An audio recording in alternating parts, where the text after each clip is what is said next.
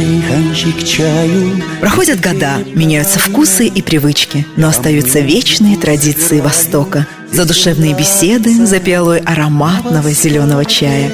Ощутите все тепло восточного гостеприимства и радушие программы «Чайхана». Ее ведущий Насибахон Аминовой. Что за жизнь без чайханы? Что за жизнь без чайханы?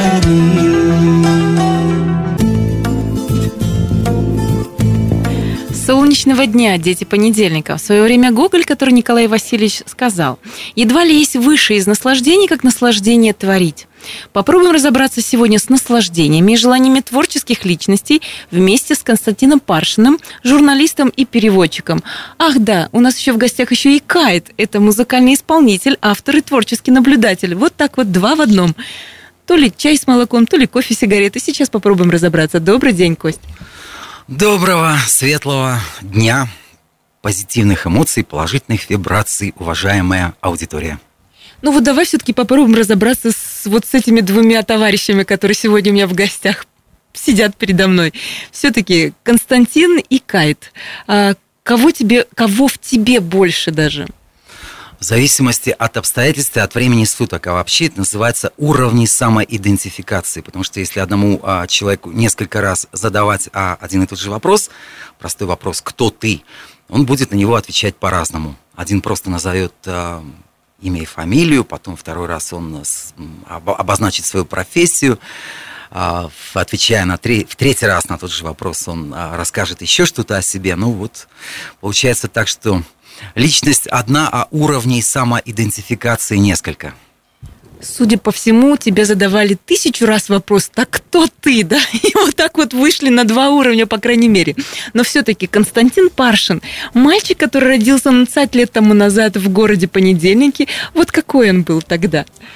Во-первых, не нацать, а полвека почти что уже, скоро будет полвека. Какой он был, собственно говоря, обычный советский ребенок, который ходил в детский сад, который ходил в неплохую школу, получал какие-то знания и формировал свой эстетический вкус, который затем привел а, в несколько профессий. Одна из профессий – это профессия музыкальная.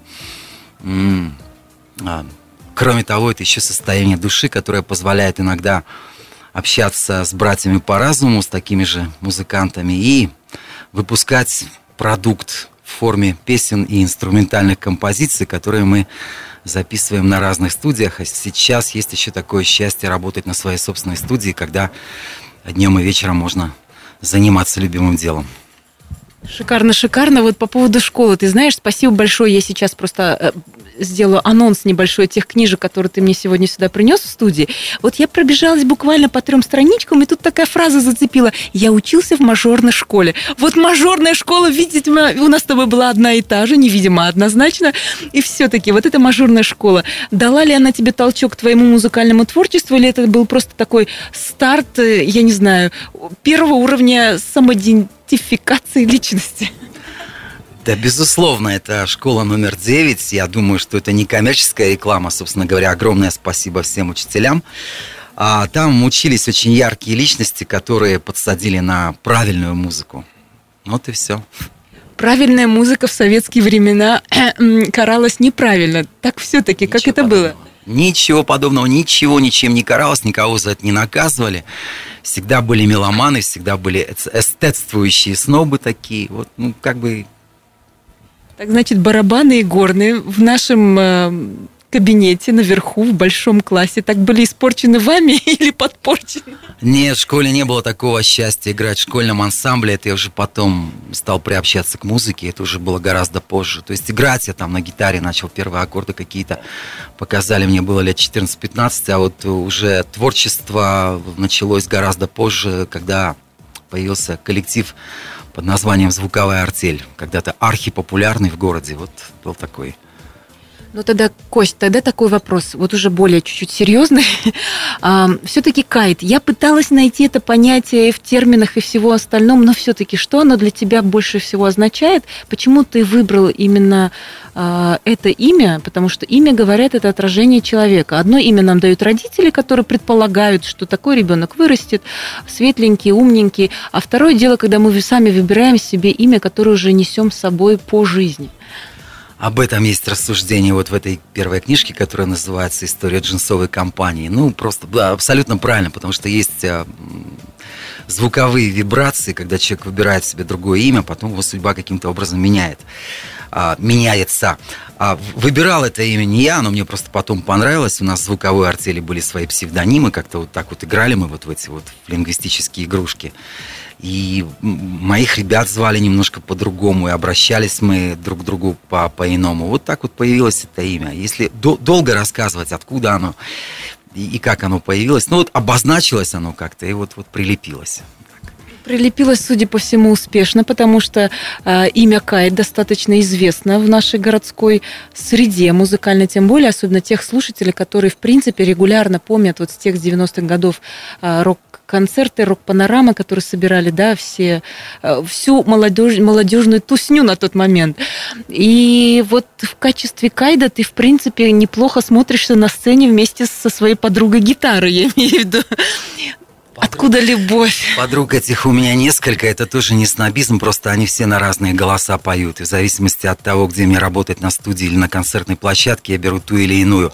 А вот насчет э, популярности, я вот без кокетства совершенно скажу тебе, что ну не популярен я, и это есть хорошо. Потому что были времена, это а, начало 90-х, когда ну, не то, что проходу не давали, но была другая совершенно атмосфера и этническая, и культурная, и слава тебе, Господи, что не было вот этой вот заразной звездной болезни, и, видимо, как-то меня Господь уберег от этого от всего. А вот насчет популярности я не соглашусь. Даже иногда шучу на эту тему, говорю, что я самый популярный среди всех непопулярных. Вот так вот. Ну, ты знаешь, такую популярность тоже надо заслужить, если уж на то пошло. Я вот думаю, что нам, нам а, заканчивать нужно первый сегмент этого милого общения и перейти к музыке, потому что мы как-то, по-моему, увлеклись вот этой вот Музыки у нас сегодня будет предостаточно, тем более у нас есть замечательная рубрика «Золотая коллекция», в которой мы сегодня как раз-таки и прослушаем одно из твоих творений. Про город понедельник. Рубрику «Золотая коллекция» представляет ювелирный салон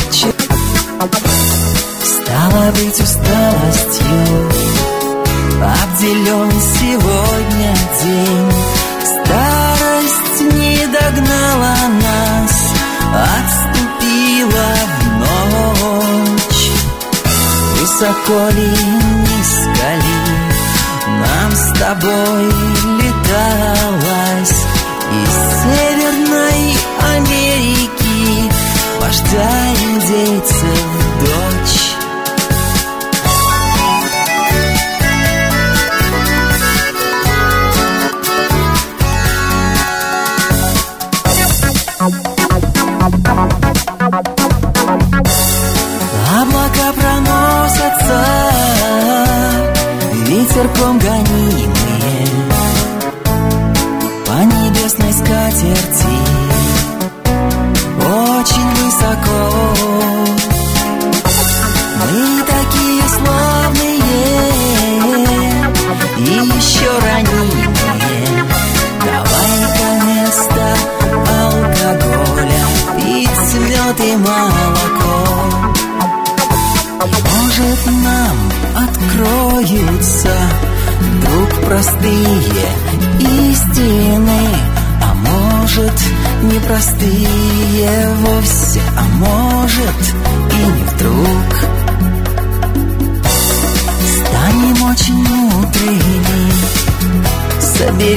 Соберемся с мыслями И продолжим древнюю, как этот мир, игру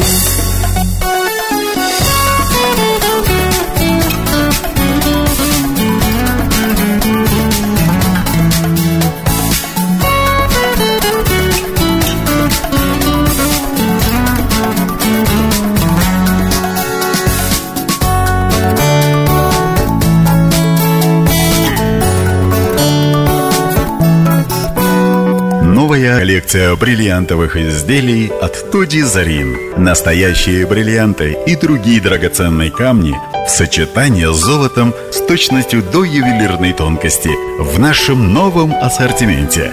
Корона ювелирного мира. Только настоящие бриллианты на любой вкус. Тоджи Зарин. Всегда новый уровень. Мы продолжаем наш солнечный эфир. Сегодня в городе понедельник в гостях Кайт, музыкант талантливый у нас. И вот что я нашла. Я читал популярные книги и слушал по радио голос. Опиум новых религий прорастает в душе, словно колос. Мы прошли свой путь не очень долгий, от постбитловства к авангардному фолку, от сюрреализма к нонконформизму, от идеализма до панкромантизма. И это не странно, что нас так мало. Звуковая артель – символ новой веры. Веры в то, чего долго не доставало. Новой веры в старые идеалы. Вот, Кайт, я нашла эти строки. Вот теперь поговорим мы с тобой о звуковой артели, о вашем замечательном коллективе, который в свое время, ну, взорвал город. Я это помню, потому что я была маленькая девочка, школьница, которая бегала на концерты. Вот, рассказывай. Ты, Настя, во-первых, удивила, потому что как вот э, добросовестный ведущий я откопала текст этой песни. Песня максималиста юного, сколько мне там годочков было тогда, я не помню, но это был 90-й год, и это песня из первого альбома, завершающая в альбоме песня, а, одноименная, которая обозвана названием группы, собственно говоря. Звуковая артель появилась 89 году встретились дилетанты, у которых было много керосина творческого, было мало мастерства, которые с первых дней дорвались до студийной работы, за что громадное спасибо Зурабу Какоеву, который является мастодонтом нашей студийной деятельности в городе, собственно говоря. Вот так все начиналось, и до 95 -го года это сообщество, это не просто музыкальный коллектив, это было сообщество, в которое входили а, люди творческих профессий. Там были и художники, и артисты кино и театра. Вот просуществовала эта группа где-то годочков 6, менялся постоянно состав, и потом она распалась, и время от времени слышны отголоски этого творчества, потому что людей, которых э, разбросало по свету, они чем-то занимаются музыкальным или около музыкальным. Вот если коротко. А так можно было огромную передачу сделать про звуковую артель и прокрутить в эфире много-много песен, потому что за вот эти шесть лет было выпущено около десятка альбомов, причем сольных альбомов каждого из авторов под общим брендом «Звуковая артель».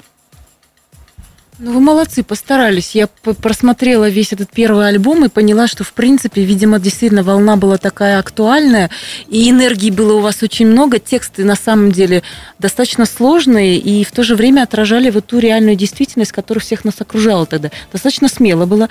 А кто, в принципе, всегда, я не знаю, был ли у вас в коллективе а, вот тот, я не знаю, керосинщик самый главный, который подбрасывал дровишки в огонь? Ну, это вот Игорь Баронов, а, он же известен в рок-н-ролльном миру под именем Дедушка Джон. Он профессиональный литератор, он не просто писатель, он профессиональный литератор, потому что он а, в отличие от меня, создает романы, повести, пишет. Он живет сейчас в Пензе. А Не слышно, к сожалению, от него музыкальных новых творений. Но вот он все мечтает э, собрать старый коллектив, но географически это нереально как-то вот так. Вот он, собственно, был главным идейным генератором, и мы многому научились друг от друга. Я ему очень благодарен, потому что за тот первый период было написано несколько совместных песен. Мне очень нравились его тексты, и тогда я начал как-то писать. На, на, накладывалась очень легко музыка на его тексты. Но на тот момент ты не пробовал писать уже на английском или все-таки писал? А с английским языком это эксперименты. Я никогда не буду знать язык в совершенстве. Как бы вот люди не говорили, что это не родной язык, но это язык очень интересный, так как я профессиональный переводчик. Одно время мне было очень интересно переводить свои тексты на английский язык. Это вот как вот а, в игрушку в какую-то играть. Играть словами, переставлять, делать. Но я с больш... вот, а, без кокетства, но с большой самокритикой к этому отношусь. И хорошо, что у меня есть редакторы, которым я потом показываю финальные тексты и прошу их, просто умоляю, безжалостно а, не, не то что критиковать, а править, если там есть какие-то ляпы, потому что к языку нужно относиться очень бережно, к любому языку. И я очень придирчив сам к текстам а, других авторов. Если есть ляпы, это все равно, что вот у музыкантов петь или играть мимо нот. К сожалению, многие... Я, я, я не хочу никого сейчас критиковать, но настолько вот в этом мейнстриме сейчас очень много всего такого некачественного, в плане текста, в плане подачи мыслей, которые облечены в словесную форму. В звуковой артели, кстати, всегда было вот очень бережное отношение к словам, и мы друг другу как-то подсказывали. Этим, кстати, наш коллектив а, отличался. У нас было три или четыре автора, которые писали свои и тексты, и музыку. Безжалостная была совершенно критика, не злая, но очень безжалостная. А вот с английским, с английскими вариантами, да, я до сих пор там записываю какие-то старые вещи, мечтаю их переписать. Они есть в двух вариантах. И вот на каких-то концертах я исполняю даже какую-то вещь а, в двух вариантах. И забегая вперед, у нас эфир очень короткий, а приходится говорить очень много. 17 а числа у нас будет эм, совместный авторский проект с Акбаром Рузеевым, на котором одна из песен прозвучит на таджикском языке. Она существует в двух вариантах, в русском в английском, и а, одна замечательная девочка перевела этот текст очень давно на хороший, грамотный литературный таджикский язык, и ее, надеюсь, исполнит мой а, друг и соратник по музыке Акбар Рузеев. Замечательная новость. Вот на таджикском бы хотелось услышать, потому что, честно, не слышала, тем более в твоем не в моем. Ну, я, я поняла, да, но рядышком ты все равно находишься. В любом случае, у нас есть хорошая возможность услышать еще одну а, музыкальную композицию, которая прозвучит у нас в рубрике «Мега Драйв». сарпарасти бахши мега драйв ширкати мегафон тоҷикистон мегафон тоҷикистон алоқаи бо эътимод дар ҳама минтақаҳои кишвар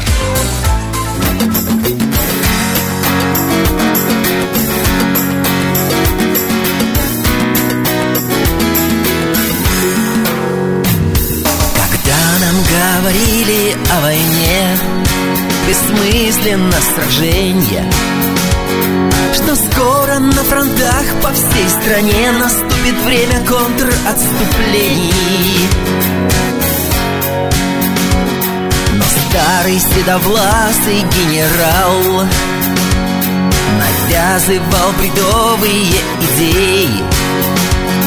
И спорить с ним тогда никто не стал Все почему-то соглашались с ахинеей. Фальшивила походная труба. И пацифистам дали автоматы им сообщили бы теперь солдаты И началась прицельная стрельба.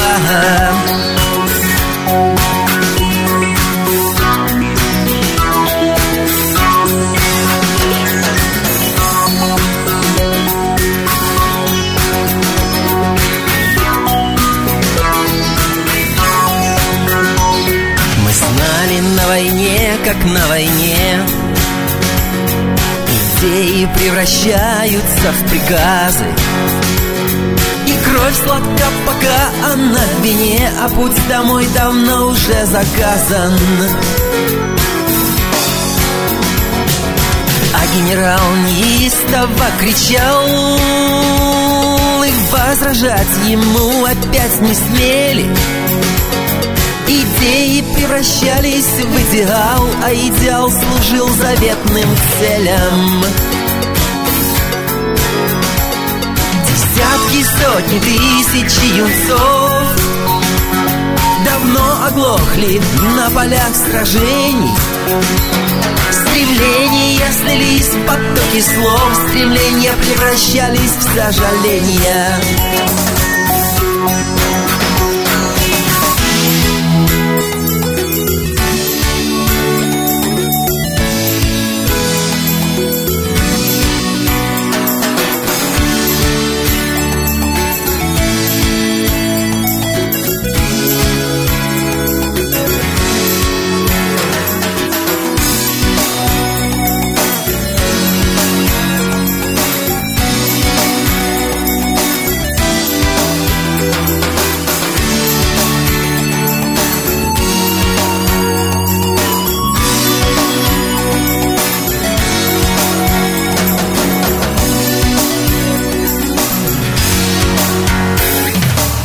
твердо понял все идеи дым. И, видимо, не в идеалах счастья. Я променял свой новый карабин На старенький фирмовый стратокастер. Когда пошлют на новую войну Я стану гениальным дезертиром развлекать своей лирой Тех, кто спасал великую страну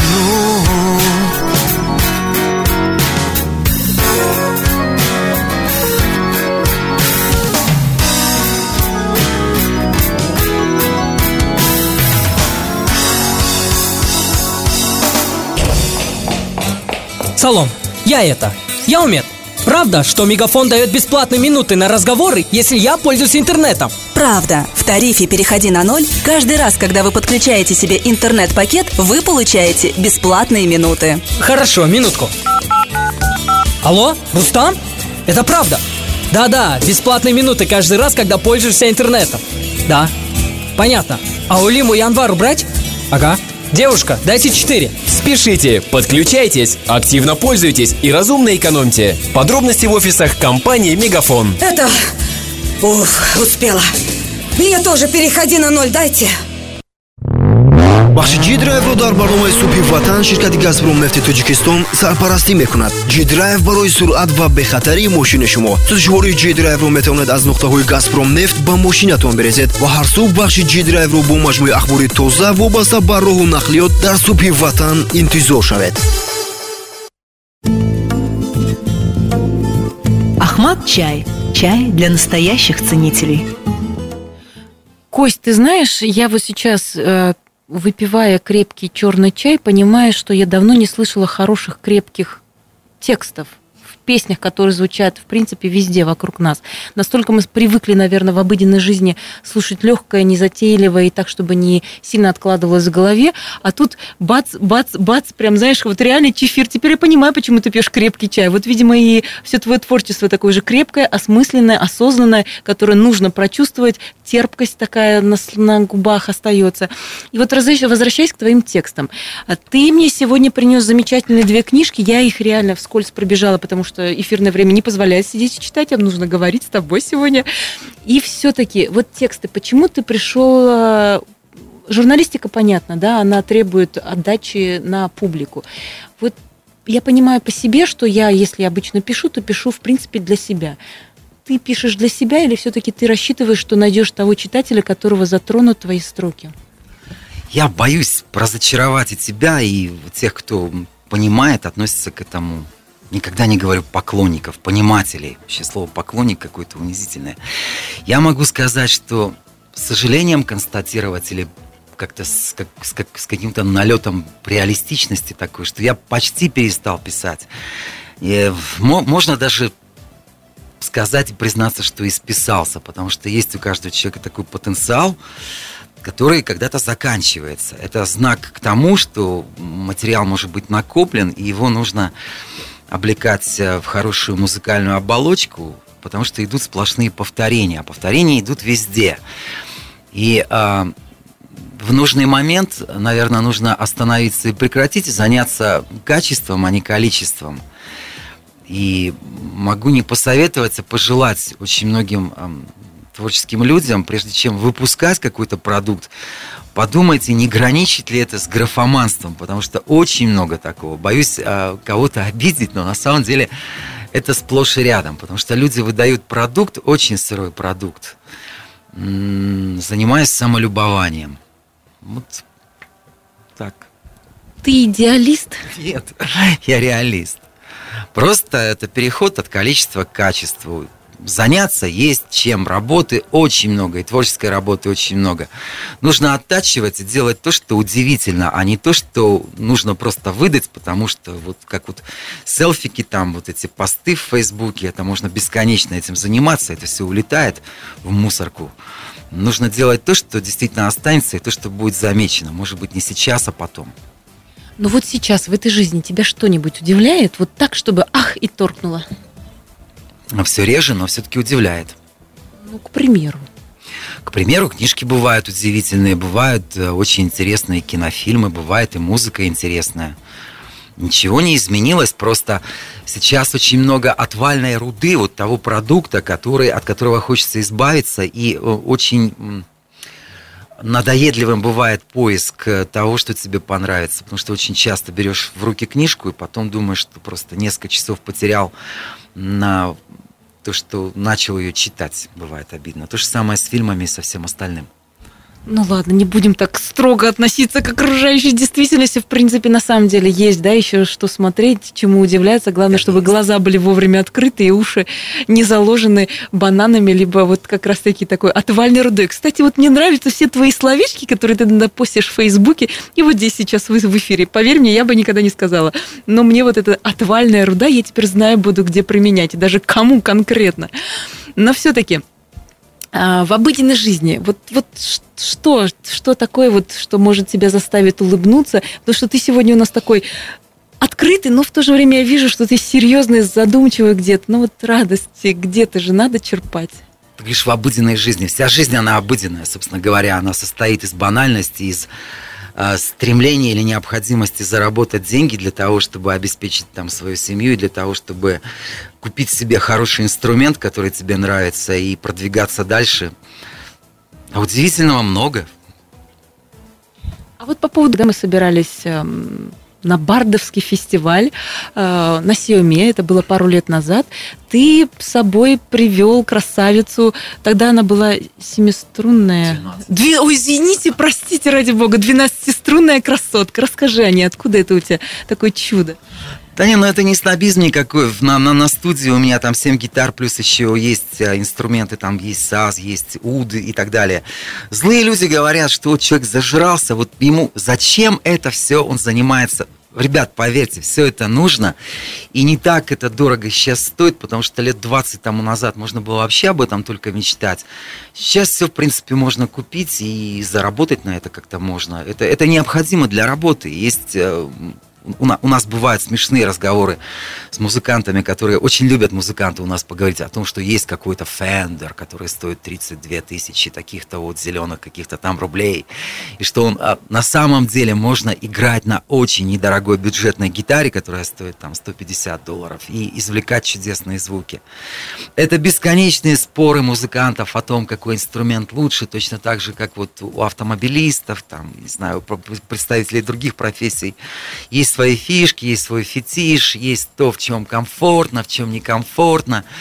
Опять-таки, у каждого инструмента свой голос. Это очень просто. Любой музыкант меня поймет. Если нужен этот инструмент для записи вот этой песни, он должен прозвучать.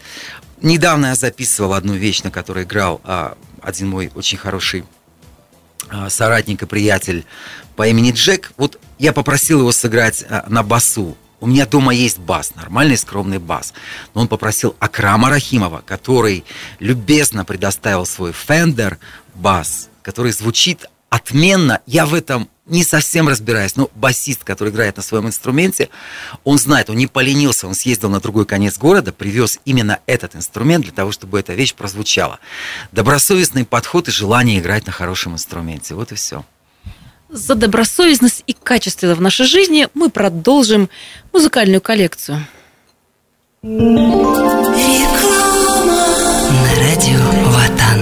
Мо барои расидан ба орзуҳоямон аз пушти онҳо меравем.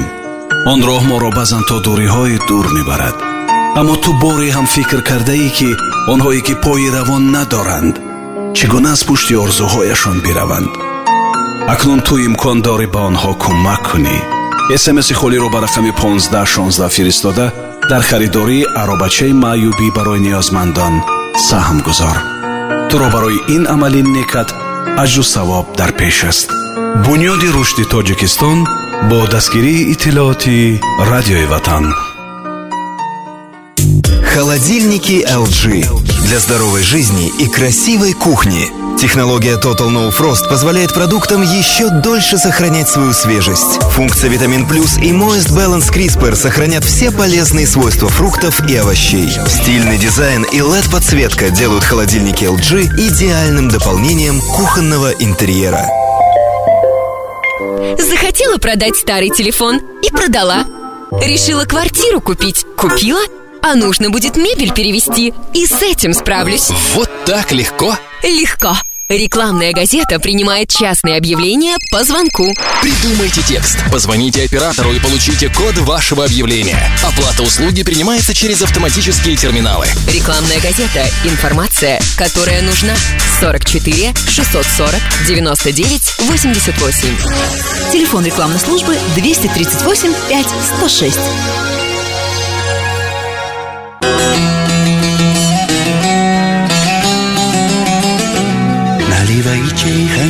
Чайханчик чаю Проходят года, меняются вкусы и привычки, но остаются вечные традиции Востока. Задушевные беседы за пиалой ароматного зеленого чая. Ощутите все тепло восточного гостеприимства и радушие программы «Чайхана». Ее ведущий Насибахон Аминовой. Что за жизнь без чайханы?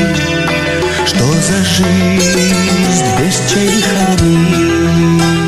Ахмад чай. Чай для настоящих ценителей. Константин Паршин сегодня у нас в студии. Сегодня мы говорим о музыке, о музыке, еще раз о музыке и творчестве, конечно. Кость, и с учетом того, что мы понимаем, мы как слушатели, в принципе, привыкли слышать музыку где-то на носителях, да, это либо диски у нас, либо эфиры, либо радио, либо телевидение. Но где тебя можно услышать вживую, тебя, твоих ребят, я не знаю, где можно твою акустику понять, и все твоих 12-струнных красоток, которых изгибы, которых вот прям реально мечтается иметь? Не имею права в эфире называть э, название вот этого заведения, потому что пусть они платят за рекламу, в конце концов. Ну, поверьте, а, здесь очень легко все это найти, потому что все общаются в социальных сетях, и идет просто валовая такая реклама. Где это? Это в самом центре города происходит. На каждую субботу у нас есть акустические творческие вечера, где бывает очень весело. Зайдите в Facebook, найдите, где мы, с 7 часов вечера по субботам. А, отдельно еще бывают разные сходки, джемса- джемсейшены. Очень легко. Приходите, пообщаемся, поговорим, попоем.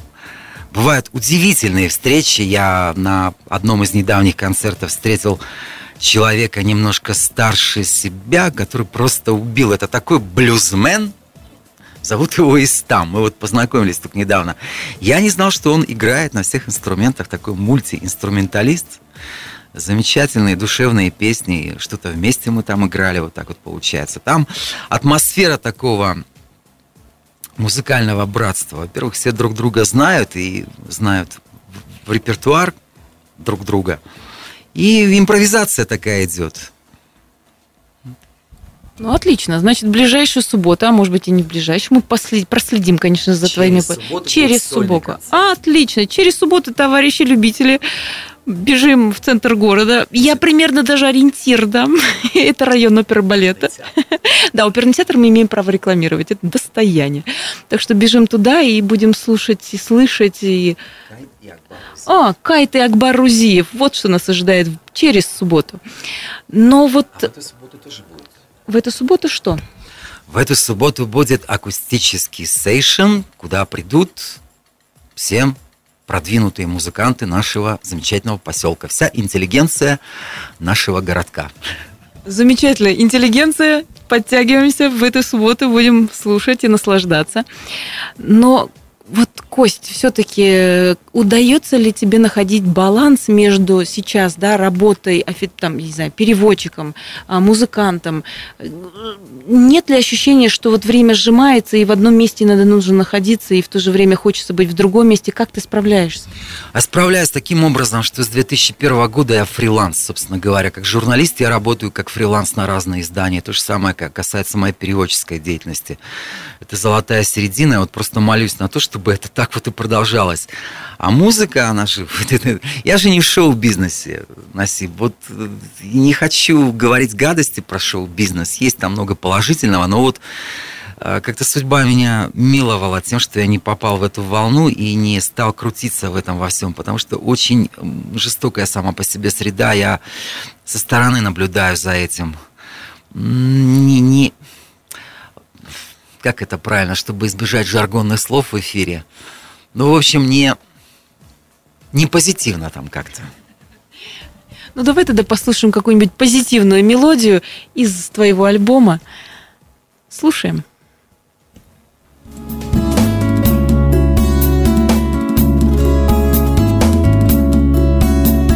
Если завтра не будет войны, сбежавшее лето. Прочь прогнав черно-белые сны. Станем ждать наступления рассвета. Город каменный в свете луны.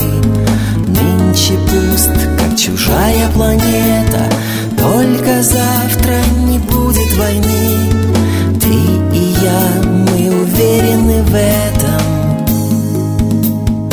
Слышишь, как часовой на посту Вслух считает упавшие звезды. Было году. Вспомни, славная, это серьезно.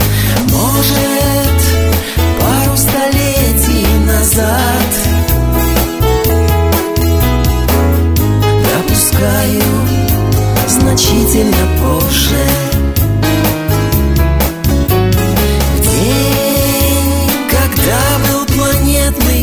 парад С неба лил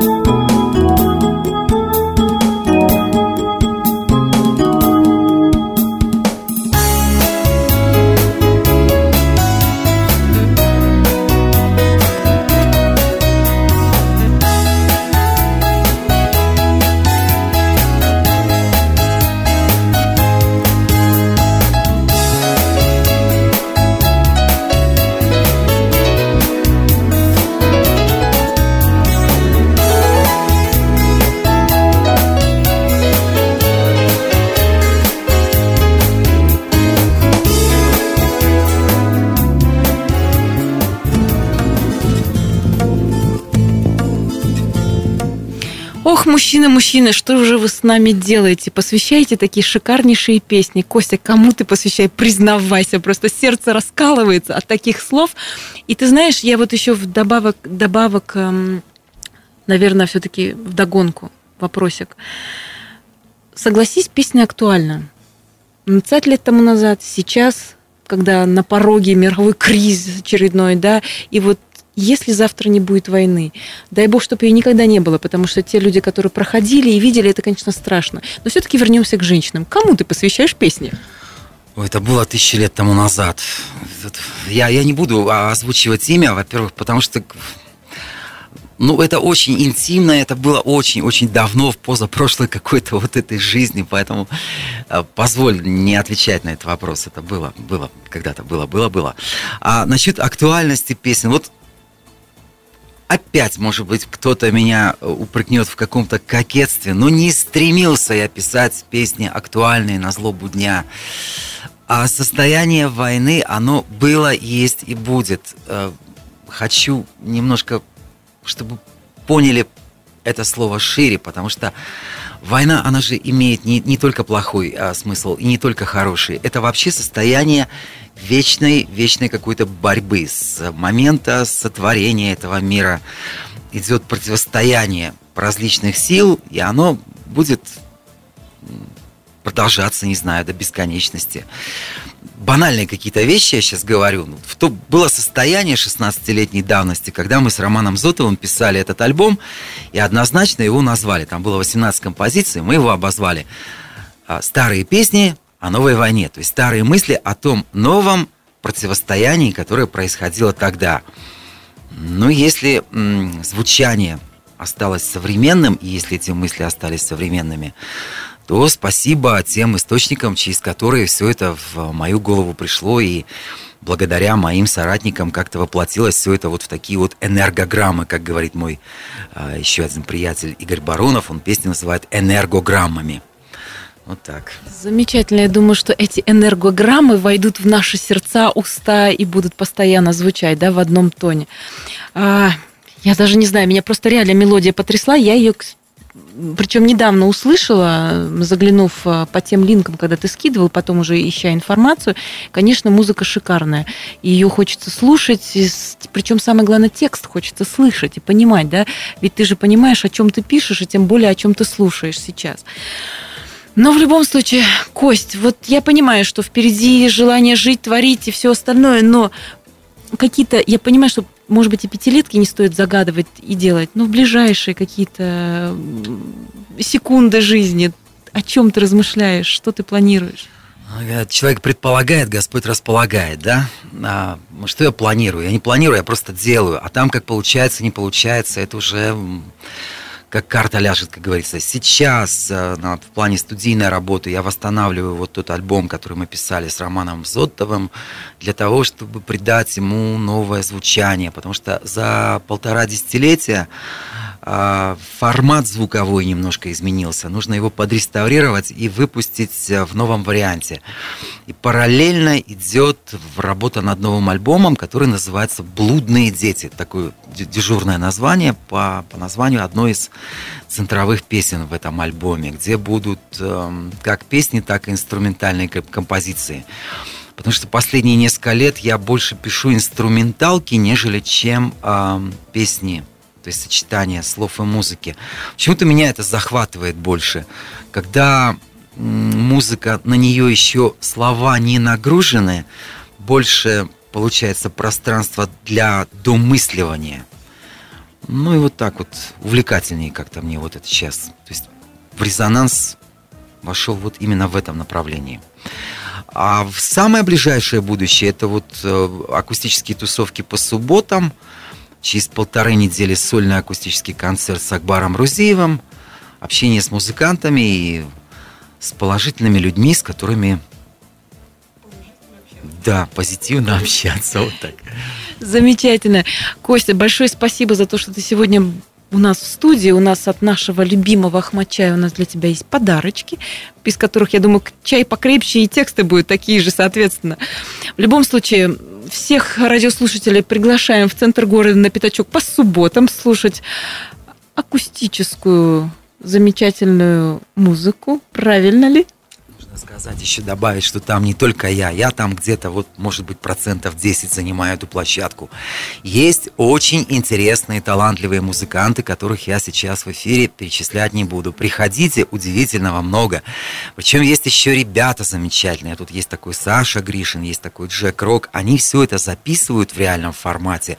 И буквально на следующей неделе приносят пластиночки с очень хорошим, качественным звучанием, сведенные, которые можно просто просто за какие-то очень небольшие деньги купить.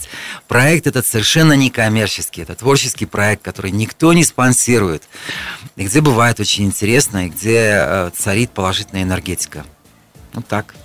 Вот такие дела творятся в нашем замечательном городе понедельнике. Пока живы такие люди, жив и наш город, светлый и солнечный.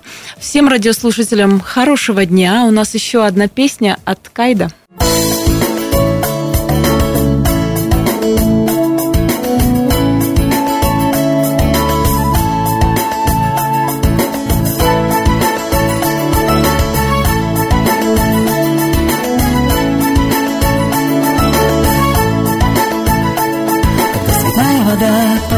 Из кухонных кранов. И манна внезапно стала падать с небес. Мы подставили небу ладони Мы наполнили наши стаканы. И с тех пор мы живем в ожидании дальнейших чудес. Чудес и вправду случалось достаточно За прошедшие несколько тысяч лет Небо плакало и смеялось И, мол, отвечая на наши вопросы То да, то нет. Кто мы такие, куда мы идем и откуда? И какой из всего нам следует извлечь урок? Большинство из нас пребывало в опьянении чудом Исключение составлял некто, думавший, что он пророк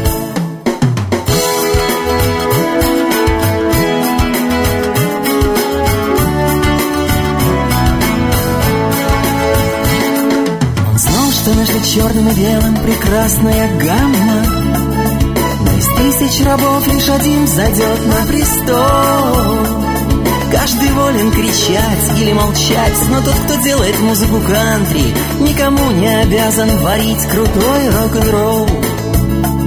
Он не надеялся дожить до падения Пизанской башни.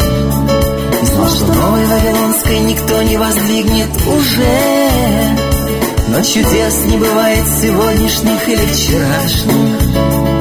Ведь время два поля в грозу, и мы идем по меже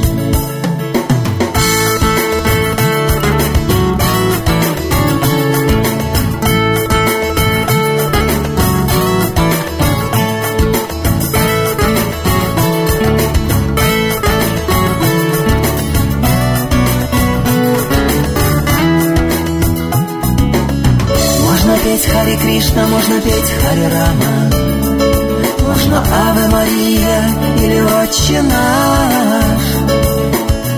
Важно, чтобы каждый понял Поздно или рано Что есть Бог и любовь и все остальное мираж А пока мы знаем, что без тьмы не бывает света